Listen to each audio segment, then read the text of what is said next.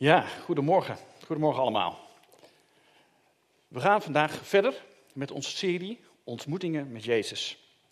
In deze serie trekken we lessen uit ontmoetingen die Jezus heeft met verschillende personen, zoals we die tegenkomen in de Bijbel.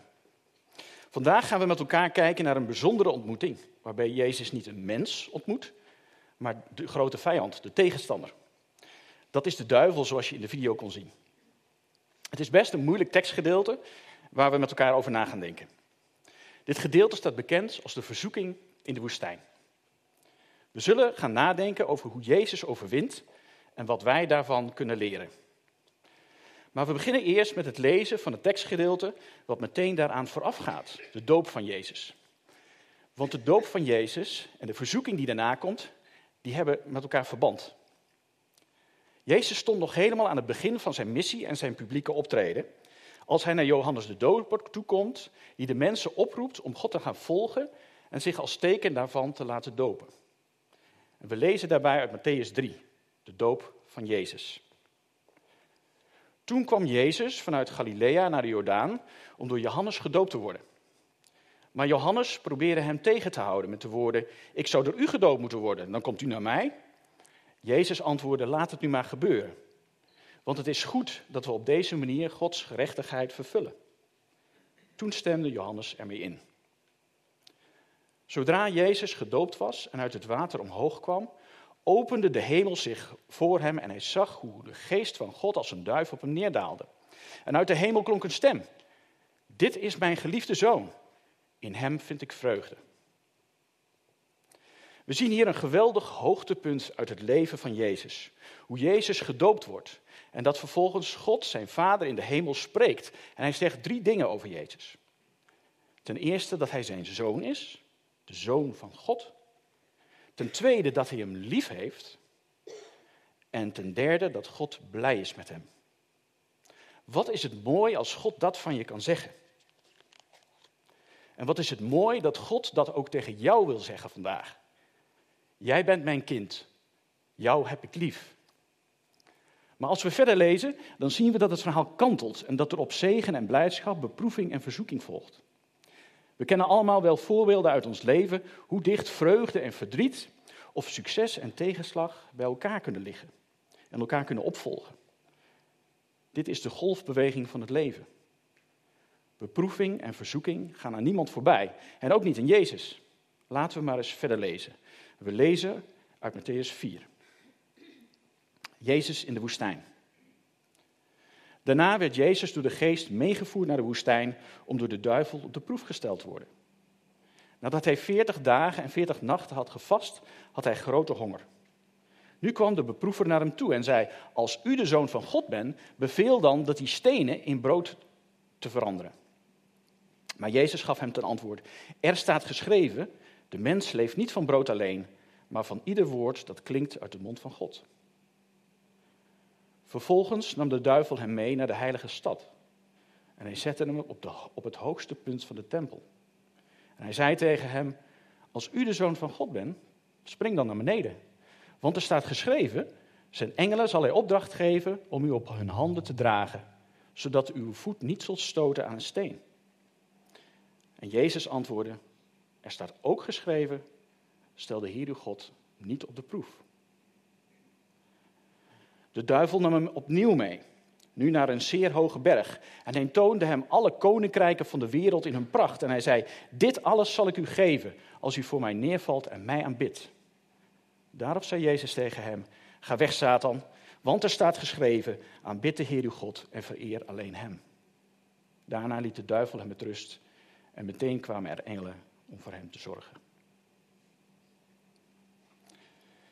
We hebben gelezen dat Jezus door de Gods geest naar de woestijn wordt gevoerd om op de proef gesteld te worden door de duivel. Maar wie is nu eigenlijk die duivel? Hij is de grote vijand van God, de tegenstander. Dat is Satan, dat woord betekent ook tegenstander. In de Bijbel wordt hij ook wel de oude slang genoemd. Het klassieke beeld wat wij misschien kennen van de duivel is een persoon met horentjes op zijn hoofd en een drietand in zijn hand. Maar de Bijbel leert dat hij zich vaak voordoet als een engel van het licht. Hij doet zich heel anders voor als iemand die goed is, maar hele slechte bedoelingen heeft. Misschien vind je dit wel klinken als een sprookje of een mythe. Maar de Bijbel spreekt heel reëel over hem. En als je kunt geloven dat God bestaat, en als we weten dat God goed is, dan is het ook heel logisch dat ook het kwaad bestaat. En dat er een kwade macht is, de duivel. Jezus wordt dus drie keer verzocht door de duivel. Maar wat betekent nu eigenlijk het woord verzoeking? Als we dit woord opzoeken in de dikke van Dalen, dan staat er dat verzoeking hetzelfde is als verleiding. En er wordt verwezen naar de Bijbel, naar het Onze Vader in Matthäus 6. Want daar staat, en leid ons niet in verzoeking, maar verlos ons van de boze. In een verzoeking word je verleid met als doel dat je iets doet wat niet goed is of verboden is. Of dat je iets niet gaat doen wat je wel zou moeten doen. Een ander woord dat vaak als synoniem wordt gebruikt voor verzoeking is het woord beproeving. Dit heeft twee betekenissen. De eerste betekenis van beproeving is een proef of een toets. En de tweede is tegenspoed of een moeilijke situatie. Een verleiding is dus een beproeving, want het is een proef of een toets. Maar niet elke beproeving is een verleiding. Soms overkomt ons tegenspoed gewoon. Het gaat er dan om hoe we daarmee omgaan. Brengt het ons dichter bij God of juist verder bij Hem vandaan? We hebben gezien in het tekstgedeelte dat er drie verleidingen zijn voor Jezus. De eerste verleiding heeft te maken met honger. En het gaat over de verleiding om je honger te stillen door steen in brood te veranderen. De tweede verleiding is een beetje rare om van de tempel af te springen, heeft te maken met aanzien en populariteit. En de derde verleiding heeft te maken met macht en koning worden zonder te hoeven lijden. We zullen ze één voor één bekijken. Maar voordat we dat gaan doen, ehm, is er achter mij, zijn er achter mij voorbeeldingen van verleidingen zoals die voor jou kunnen gelden. Wat zijn verleidingen waar wij zelf mee, bezig, mee te maken kunnen krijgen? Ik laat hier achter mij wat voorbeelden zien van wat een verleiding kan zijn. Het gaat om de verleiding van iets dat ons van God afhoudt. Een verleiding kan iets zijn wat ons aanzet om een keus te maken, iets te doen waarvan we weten dat het verkeerd is. Maar het kan ook iets zijn wat op zichzelf genomen niet fout is, maar wat het wel wordt als het ons leven gaat beheersen. Want dan houden die dingen ons bij God vandaan. Geld bijvoorbeeld is op zichzelf genomen niet verkeerd. We hebben het allemaal nodig en gaan er dagelijks mee om. Maar als het geld ons zo gaat beheersen dat het het belangrijkste wordt in ons leven en je geldzuchtig wordt, ja, dan spreekt de Bijbel, dan in zo'n geval wordt geld eigenlijk een afgod. Verdien je een afgod. Wat is het belangrijkst in jouw leven? Wat is jouw verleiding? Wat is jouw zwakke plek? We zullen zien dat Jezus zich drie keer verdedigt tegen verleiding met een Bijbeltekst. Laten we maar eens gaan kijken naar die eerste verleiding. Jezus was in de woestijn. Hij werd door Gods geest gebracht in de woestijn, de wildernis. Het is een plaats van gebrek. Er is een gebrek aan voedsel, er is een gebrek aan water. Er is juist veel zon, maar weinig schaduw. Veel hitte overdag. S'nachts kan het bitter koud zijn. Kortom, het is een hele moeilijke situatie. Maar wat doet Jezus? Hij is 40 dagen aan het vasten. Als je vast, onthoud je je bewust en vrijwillig aan van voedsel, omdat je andere prioriteiten hebt. Jezus wijdt zich toe aan God. Hij bereidt zich voor op zijn missie en op zijn confrontatie met de duivel. Vasten kennen wij niet zo goed. Meestal gaat het er bij ons om dat we minder gaan eten om zo wat kilo's en overtollige uh, kilo's kwijt te raken. Als je 40 dagen niet eet, hoeveel kilo's raak je dan wel niet kwijt? Maar daar was het Jezus niet om te doen. Het logische gevolg van 40 dagen vasten is dat hij enorme honger krijgt. De duivel zoekt juist naar je zwakke plek om je aan te vallen. Dit is zijn kans. Als u de zoon van God bent, beveel dan die stenen in brood te veranderen. Hij daagt Jezus uit om een wonder te doen en stenen in brood te veranderen. In de video gebeurde dat misschien ook, maar in het echt niet. Hij probeert Jezus over te halen om hem te bewijzen wat God 40 dagen eerder tegen Jezus had gezegd. Je bent mijn zoon. Ik heb je lief. Als je echt de zoon van God bent, dan kun je dat toch wel? Maar Jezus zegt, er staat geschreven. Hij antwoordt, de mens leeft niet van brood alleen, maar van ieder woord dat klinkt uit de mond van God. En hij verwijst hierbij naar het laatste deel van een tekst uit de Bijbel, uit Deuteronomium 8, vers 3, waar dit staat. Er is iets veel belangrijkers dan gewoon voedsel voor je lichaam, namelijk voedsel voor je geest. Het woord van God, dat is de Bijbel. Het was Jezus' missie om zelf dat voedsel te worden. Hij zegt in Johannes 6, vers 35, ik ben het brood dat leven geeft. Wie bij mij komt zal geen honger meer hebben. En wie in mij gelooft zal nooit meer dorst hebben. Jezus liet later zijn grootheid zien toen hij water in wijn veranderde. Een aantal zondagen geleden hebben we erover nagedacht. De stenen in brood veranderen, dat kon hij wel. Maar was dit het woord van God? Was dit Gods wil? Nee, het was het woord van de duivel. En Jezus trapt niet in de val. Laten we dan gaan kijken naar de tweede verleiding. De duivel neemt hierin Jezus mee naar Jeruzalem, de heilige stad, op het dak van de tempel. Weer daagt hij Jezus uit. Als u de zoon van God bent, spring dan naar beneden. En hij doet Jezus na, want hij zegt, want er staat geschreven. En nu gebruikt hij zelf ook een Bijbeltekst. En wel uit het boek Psalmen uit het Oude Testament. Psalm 91. En hij betrekt de volgende tekst op Jezus. Hij vertrouwt je toe aan zijn engelen, die over je waken waar je ook gaat. Hun handen zullen je dragen, je voet zul je niet stoten aan een steen. Dus, zegt de duivel, zie je wel, er staat toch dat engelen over je zullen waken en je op handen zullen dragen. Dus als je echt gelooft, laat het dan zien. Maar de duivel is selectief. Want hij citeert niet het volgende vers, vers 13. Leeuw en adder zullen je vertrappen, roofdier en slang vermorselen. En dat is juist het vers waarin we een diepere betekenis kunnen zien. Want wie herkennen wij in deze tekst? In de slang? Juist, dat is de duivel zelf. Hij wordt de oude slang genoemd. En hij kwam in de vorm van een slang om de eerste mensen, Adam en Eva, te verleiden om tegen God te zondigen. Dit kennen we als de zondeval. En ook noemt de Bijbel in een, in een tekst uit 1 Petrus 5 de duivel een brullende leeuw, die zoekt wie hij zal verslinden. Dus het vers dat de duivel weglaat, het gele vers, voorspelt juist zijn ondergang en de overwinning van Jezus. En zo is het uiteindelijk ook gegaan. De duivel is dus selectief met het citeren van de Bijbel en hij past de tekst op een andere situatie toe dan die waarvoor die bedoeld was. De duivel daagt Jezus uit om als, een soort van superman van de tempel af te springen. Dan zou hij of te pletter vallen, dat kwam hem goed uit, of hij zou worden gedragen door engelen en op een spectaculaire manier op het tempelplein zijn entree doen. Maar Jezus was niet uit op populariteit van mensen. Hij wilde de wil van zijn vader doen. Door voor ons te gaan sterven aan een kruis. En niet om van, door van een tempel af te springen. En Jezus antwoordt, er staat ook geschreven, stel de Heer uw God niet op de proef. En hij verwijst daarbij naar een uitspraak van Mozes aan het volk van Israël uit Deuteronomium 6, vers 16. Stel hem niet op de proef, zoals u bij Massa deed. Massa was een plaats in de woestijn. Het woord massa betekent in onze taal verzoeking. Dit was de plaats waar het volk van Israël vele eeuwen daarvoor God had verzocht, op de proef had gesteld. Want wat had God gedaan?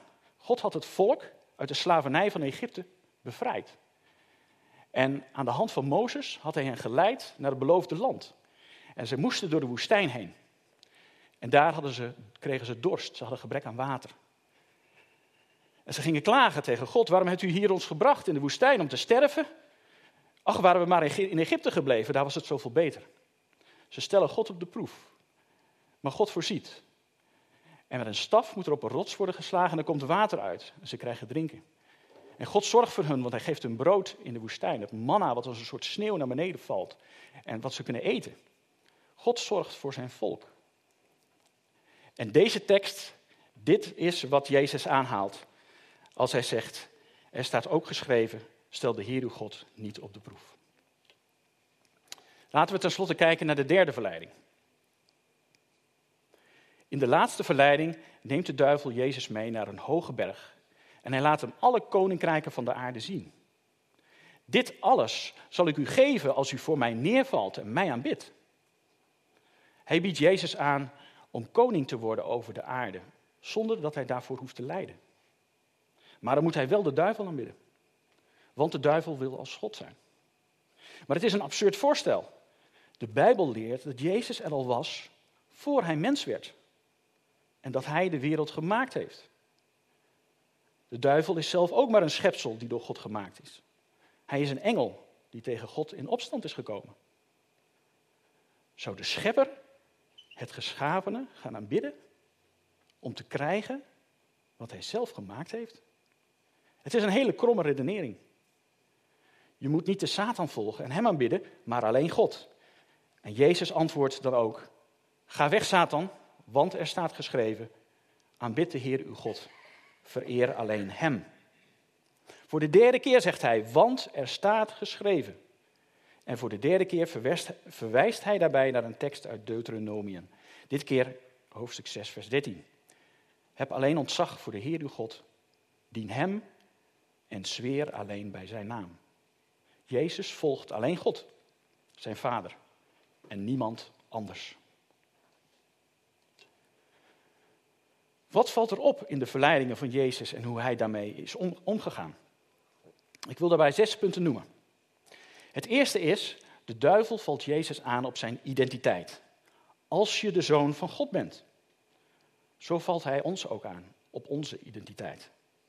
Dan horen wij bijvoorbeeld dat stemmetje van binnen. Je bent niet goed genoeg. Of het is niet voor jou. Je moet eerst maar eens beter gaan leven. Maar dat is niet waar. Je mag altijd bij God komen. Of naar Hem terugkomen. Zoals je bent. En zijn kind worden. Jij bent mijn kind. Jou heb ik lief. Jezus antwoordt steeds met de Bijbel. Er staat geschreven. Jezus kent de Bijbel door en door. Hij past de Bijbelse principes toe en hij houdt eraan vast. Hoe goed ken jij de Bijbel? Geloof je het? Of word je aan het twijfelen gebracht? En wil je het ook toepassen in je leven? Als vierde punt, de probeert de duivel een wicht te drijven tussen Jezus en God zijn Vader. Zo probeert hij ook jou en mij van God af te houden, om verdeeldheid te zaaien onder christenen. Wat is er mooier voor hem dan ruzie tussen christenen? Maar dat gun ik hem niet. Jezus streeft naar eenheid. Hou dus vast aan eenheid met God en hou dus vast aan eenheid met elkaar. Ten vijfde, vijfde punt wat ik wil zeggen hierover is, Jezus zet God op de eerste plaats in zijn leven. Wat is bij jou het belangrijkst? En tenslotte, Jezus faalt niet, maar hij overwint. Wil je het voorbeeld van Jezus volgen? Hij wil je helpen. Je hoeft het niet alleen te doen. Jezus kwam om de kloof die was ontstaan tussen ons en God te overbruggen. Niemand is uit zichzelf goed genoeg om bij een heilig God te komen. Als Jezus had toegegeven aan één van de verleidingen, of ook maar één andere zonde had begaan in zijn leven, dan was hij terecht gestorven aan het kruis. Dan hadden wij hier nu niet gezeten, dan waren we hier nu, nu niet geweest. Dan was alles voor niks geweest. Maar God heeft onze fouten toegerekend aan Jezus. De onschuldige werd schuldig gemaakt in onze plaats. En hij koos er, vrij, hij koos er vrijwillig voor om in onze plaats te sterven aan een kruis. Zo werd Jezus de brug die de kloof tussen God en mensen overbrugt. En daarom heten wij ook de brug. Die brug is Jezus. Via de brug Jezus kunnen wij weer bij God komen. En wil ook God tegen jou zeggen vandaag: Jij bent mijn kind, jou heb ik lief. Ik wil je de volgende vier vragen voorleggen om over na te denken. De eerste is: ken je de Bijbel? Wil je daaruit leren? We hebben gezien dat Jezus de Bijbel heel goed kent. Ken jij de Bijbel ook goed om sterk te kunnen staan? Geloof je wat er staat? Wil je er naar luisteren? Het tweede wat ik je wil vragen is: ken jij Jezus? Wil je Hem volgen? Als je Hem nog niet kent in je leven, dan daag ik je uit. Ga naar Hem op zoek. Jezus belooft, wie zoekt, die zal vinden. En ook wij hier bij de brug willen je daarbij helpen. Spreek dan een van ons aan. De derde vraag die ik je wil stellen. Ook als je Jezus al kent, wil je dan God op de eerste plaats zetten in je leven? Mag Hij het belangrijkst zijn in jouw leven? En de laatste vraag, mag Hij jouw leven dan gaan veranderen? Zodat je meer op Hem gaat lijken? Tot slot wil ik je uitnodigen. Jezus klopt op de deur van je hart. Als je Hem nog niet kent, wil je Hem dan binnenlaten? En als je Hem wel al kent, mag Hij dan ook in alle kamers van jouw leven binnenkomen? Ook in de kamers van jouw verleiding? Hij nodigt je uit om open te doen en hij zegt: Luister, ik sta voor de deur en klop. Als iemand mij hoort en de deur open doet, zal ik bij hem binnenkomen. Dan zullen wij samen eten. Hij met mij en ik met hem. Wat doe jij?